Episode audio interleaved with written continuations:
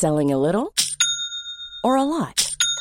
Shopify helps you do your thing however you cha-ching. Shopify is the global commerce platform that helps you sell at every stage of your business. From the launch your online shop stage to the first real life store stage, all the way to the did we just hit a million orders stage. Shopify is there to help you grow. Shopify helps you turn browsers into buyers with the internet's best converting checkout. 36% better on average compared to other leading commerce platforms because businesses that grow grow with Shopify. Get a $1 per month trial period at shopify.com/work. shopify.com/work. Ryan Reynolds here from Mint Mobile. With the price of just about everything going up during inflation, we thought we'd bring our prices down. So to help us, we brought in a reverse auctioneer, which is apparently a thing. Mint Mobile unlimited premium wireless. Ready to get 30, 30, bit to get 30, bit to get 20, 20, 20, bit to get 20, 20, bit to get 15, 15, 15, 15 just 15 bucks a month. So, Give it a try at mintmobile.com slash switch. $45 up front for three months plus taxes and fees. Promo rate for new customers for limited time. Unlimited more than 40 gigabytes per month. Slows. Full terms at mintmobile.com.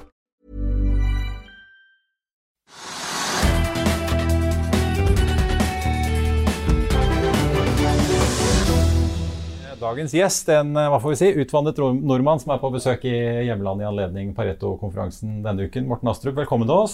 Takk. Kanskje jeg bare skal begynne med det. Valget. Nå som du, du ser, ser, Norge litt fra utsiden, har du noen sånne refleksjoner når du ser resultatet? Nei, altså det er en venstrevind som blåser over mange steder i Europa nå. Uh, og uh, Så Norge, Norge, er ikke noe unntak. Uh, men alt i alt så tror jeg for markedets del så tror jeg faktisk at vi skal være ganske glad for at resultatet ble som det ble, uten innflytelse fra, fra Rødt f.eks. Ja, så det beror deg litt uh, ja, tror, når du ser på Norge fra utsiden? Ja. ja. Du har jo base i Sveits. Uh, har jo i mange mange år hatt tette bånd til London. Du hadde jo, uh, Fondet ditt hadde jo kontor der, uh, som ble lagt ned under brexit.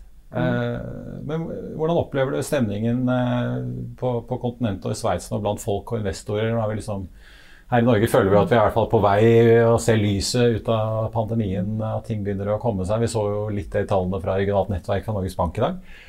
Eh, hvordan, hvordan, opplever du det når du er der nede? Det er, litt, det er litt skummelt når man ser på en måte at det er, det er, den europeiske sentralbanken og Fed som egentlig bestemmer hvordan markedet skal gå det neste halvåret. De kjøper, eh, de kjøper jo statsgjeld eh, og aktiva som fulle Kanskje ikke fulle sjømenn, men det er ganske store, store mengder. Ja. Og det kan veldig fort bli en revers på det. Prisingen er høy gjennomgående rundt omkring på verdens børser. Det er kanskje litt unntak av de som er råvarebasert, men det er jo et tankekors da, at uh, i den grønne boblen kanskje sprakk i vinter. Uh, og uh, hvis, man ser, hvis, man ser, på dotcom-boblen i 2000, som jeg ganske smertelig fikk erfare, så, så, var det jo de råvaretunge aksjene som gikk på slutten. Og så snudde det i september samme året som det da hadde sprukket i, i mars på teknologi. Da. Så det er litt spennende, og det er nettopp fordi at sentralbankene egentlig sitter på nøkkelen til til det som skjer fremover. Når RDCB eh, eier vel eh, snart eh, opp mot 40% av statsgjelden i Europa. Så et sted. Og Fed 25 av tilsvarende i USA. Ja, hvordan tolker du de fremover, da? Jerome Powell i USA har jo signalisert at de skal begynne å trappe ned disse støttekjøpene sine på ja, det er vel 120 eh, milliarder dollar i måneden. Eh, vi så jo Christine Lagarde eh, i den europeiske sentralbanken her i forrige uke varslet jo at i mars så vil de begynne å trappe denne krisedelen, PEP-programmet som det kalles, hvor de kjøper for 80 milliarder euro i måneden. Men ECB i hvert fall i Frankfurt holder jo fortsatt døren åpen for at de kan nesten gjøre hva de vil. Altså, det er ikke noen sånn veldig konkret plan. Hvordan tolker du signalene da? Nei, altså det er Sist de bare for å ta den da, Først sist de stoppet, uh, tok ned kjøpene eh, og reverserte, så var det fjerde kvartal 2018, så hadde vi den interessante situasjonen at langrenten steg og børsen falt samtidig. Det skal jo egentlig ikke skje. Og da er det eneste stedet å gjemme seg i rentepapirer, f.eks., med, med kort durasjon, kort løpetid. Eh, altså både på renten og på kort tid til forfall. Eh, fordi, uh, fordi, obligasjoner faller jo når renten stiger. Tradisjonelt så man lærer på skolen at det skal være omvendt. Da, det, det, er vel derfor man skal kjøpe sånne kombinasjonsfond, er det ikke det disse rådgiverne sier? Ja. ja. Eh, men du, For de som ikke kjenner deg, altså du var jo etablerte jo dette Storm Bond Fund i 2008. Eh, så kom jo egentlig fra obligasjonssiden, men eh, nå driver du jo mye med aksjer også? Ja, jeg har holdt på med aksjer hele siden jeg var 13 ca. Ja. Alltid. Um, og, så jeg, jeg, på en måte, jeg har jobbet med hele, hele kapitalsiden, altså fra egenkapital og, og gjeld. Og ofte så er det jo sånn at når du det er jo litt vanskelig å vite, oppsiden, vite, risikoen din hvis du ikke har regnet på nedsiden før du begynner å se på oppsiden. Ja, for det er det man gjerne gjør i obligasjoner. Ja. ja. Og, og, der er det jo et punkt altså, i forhold til alt det som skjer nå med, med, med tapering, mulighet, altså, mulighet, for tapering og sånn hos sentralbankene. De trekker tilbake eh, kjøpene sine. At uh, det, det, gjenstår liksom Det, er én valuta som nesten aldri faller når det er krise, og det er jo sveitserfranc. Og jeg er jo litt tranglært selv. Det har tatt meg 20 år i Sveits å forstå at uh, det skjer hver gang.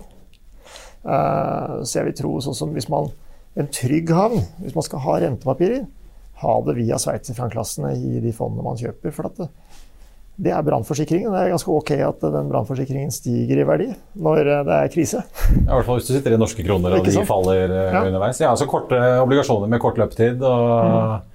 Men er det noe spesielt du ser etter, eller er det mest løpetiden? eller er det liksom noen spesielle sektorer Hvis du da skal flytte penger ut av aksjemarkedet for å ha en eh, slags reserveplan her? I Storm Bondfond så har vi, eh, har vi, veldig mye altså Vi har en del eh, shipping, vi har eiendom, vi har e-commerce, vi har nordiske bransjer. da, Og nordiske selskaper som du har hørt om, mest sannsynlig de aller fleste av de, med, og som betaler oss flytende renter.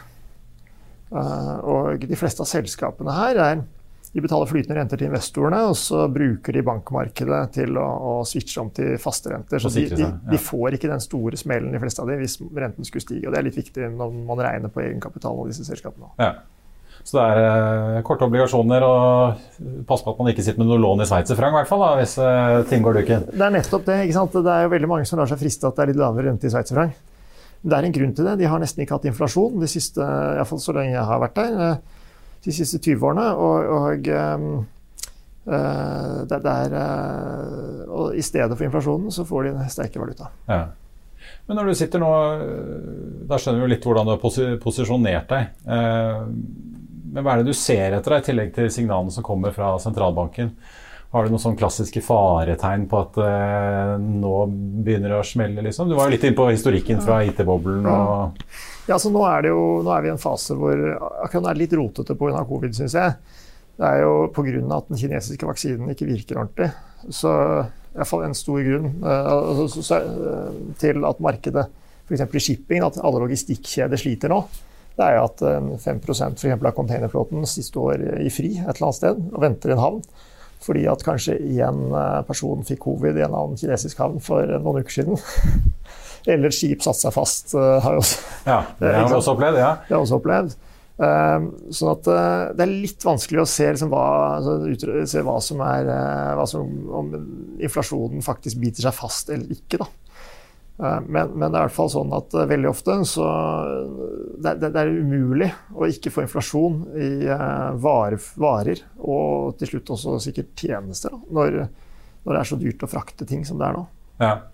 Vi ser jo, eh, nå kom jo Regionalt nettverk eh, fra Norges Bank i dag. viste jo bra trøkk i norske bedrifter. Eh, mm. Mangel på arbeidskraft til og med. Vi så veksttallene fra eurosonen var jo mm. også altså, kraftigere vekst der enn i Norge. Nå har jo de hatt en, en god bunn. Altså, de kommer jo fra et lavt punkt. Det virker jo også som det begynner å ta seg opp i USA at det er mm. mangel på arbeidskraft mange steder. Ja, det er mangel på Så det virker jo som liksom, økonomien på bakken egentlig går ganske bra nå, ja. halvannet år etter at pandemien traff. Ja, og det er det som er sykelen. ikke sant? Så du får da mangel på arbeidskraft, så får du høyere, høyere priser på arbeidskraft, som skaper inflasjon. Og så har du, har du dyrere varer, som skaper eh, nei, som, altså dyr, høyere rate på shipping, som igjen skaper dyrere varer, som igjen skaper inflasjon og lavere etterspørsel. Og det er jo sykelen. Så ja. det er jo derfor shipping eh, og, og råvareshipping ofte, det går ofte på slutten av sykelen. Ja.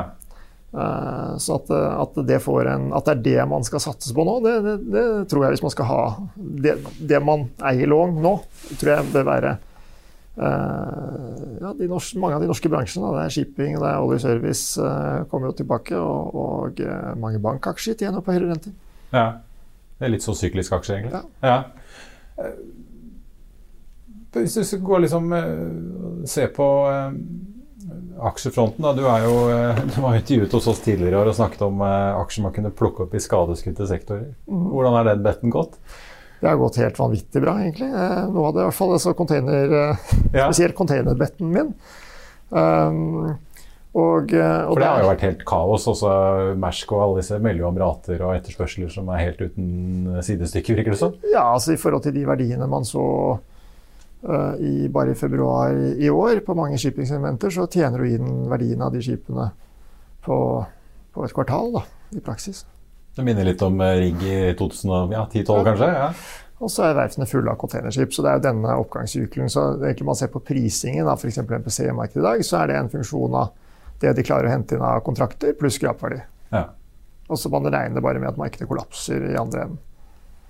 Men forskjellen på container og, og mange andre shippingsegmenter er at der klarer du faktisk å tegne tre-, og fire- og femårskontrakter nå. Eh, jo større skipet er, jo lengre kontrakter får du. Og det er klart, da, da er det kanskje ikke sånn at dagens aksjekurser er så gærne.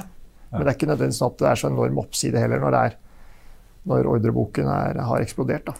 På de store skipene har ordreboken eksplodert, og på de små har de ikke gjort det. Men det er, det er jo litt sånn at nå mange av de små skipene tar ruter som de, kanskje de store ellers ville tatt. Ja.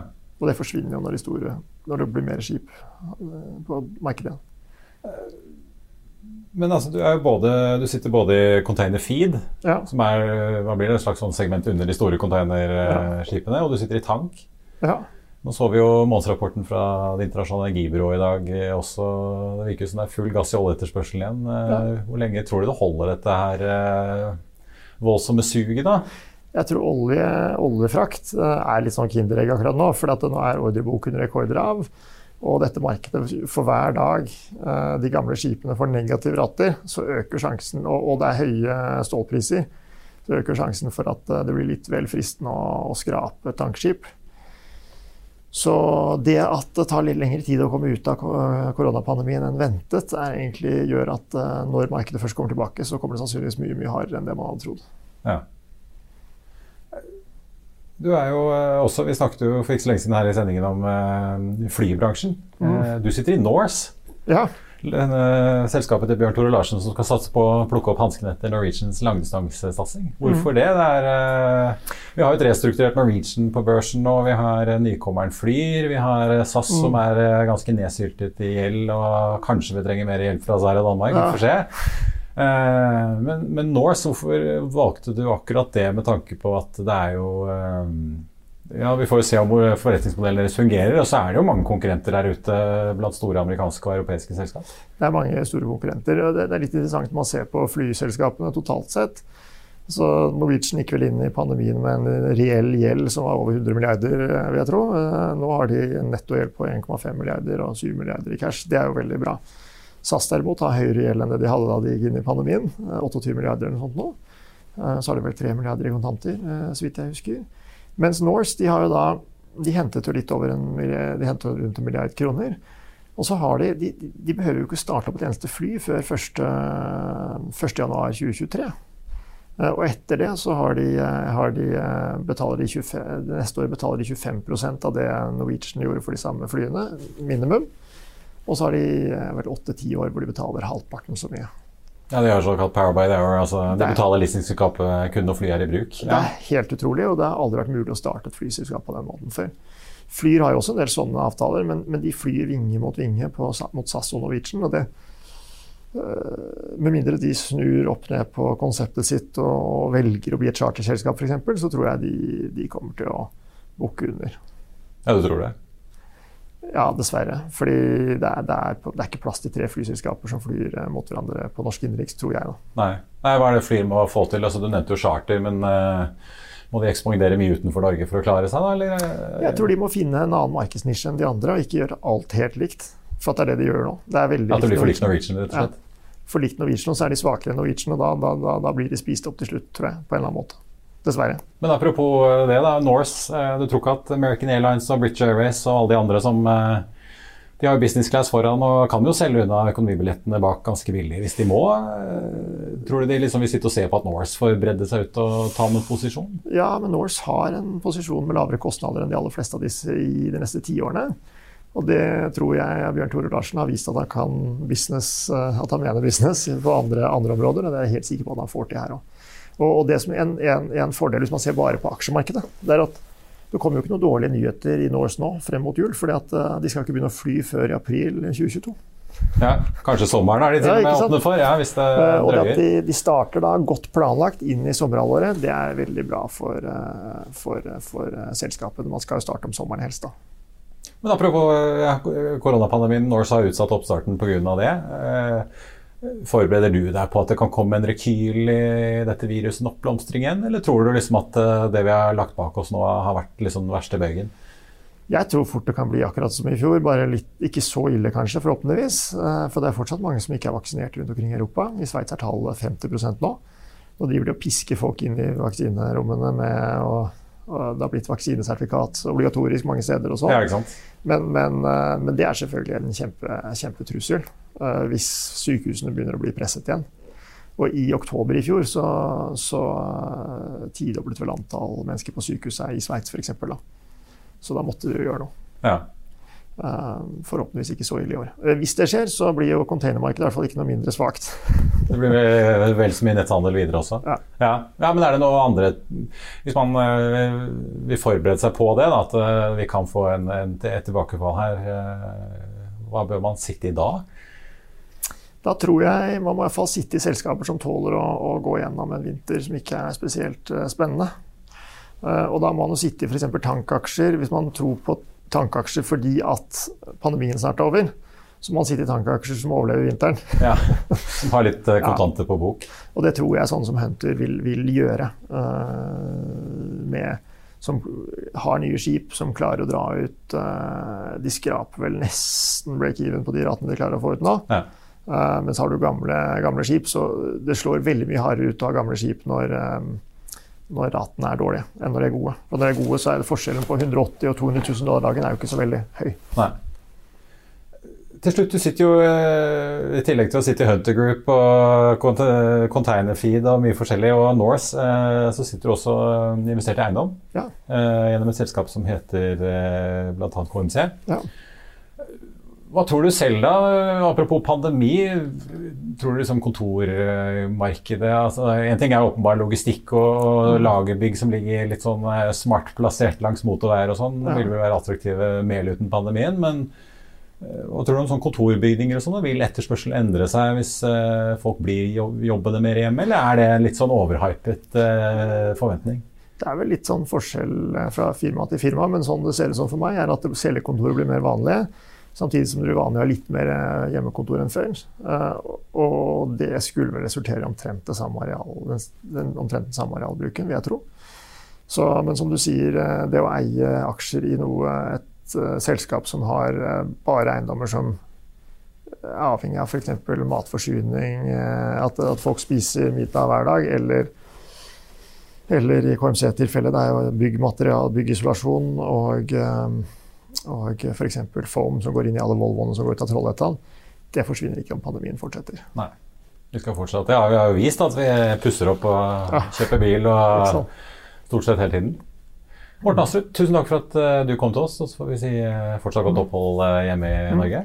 Takk skal du ha.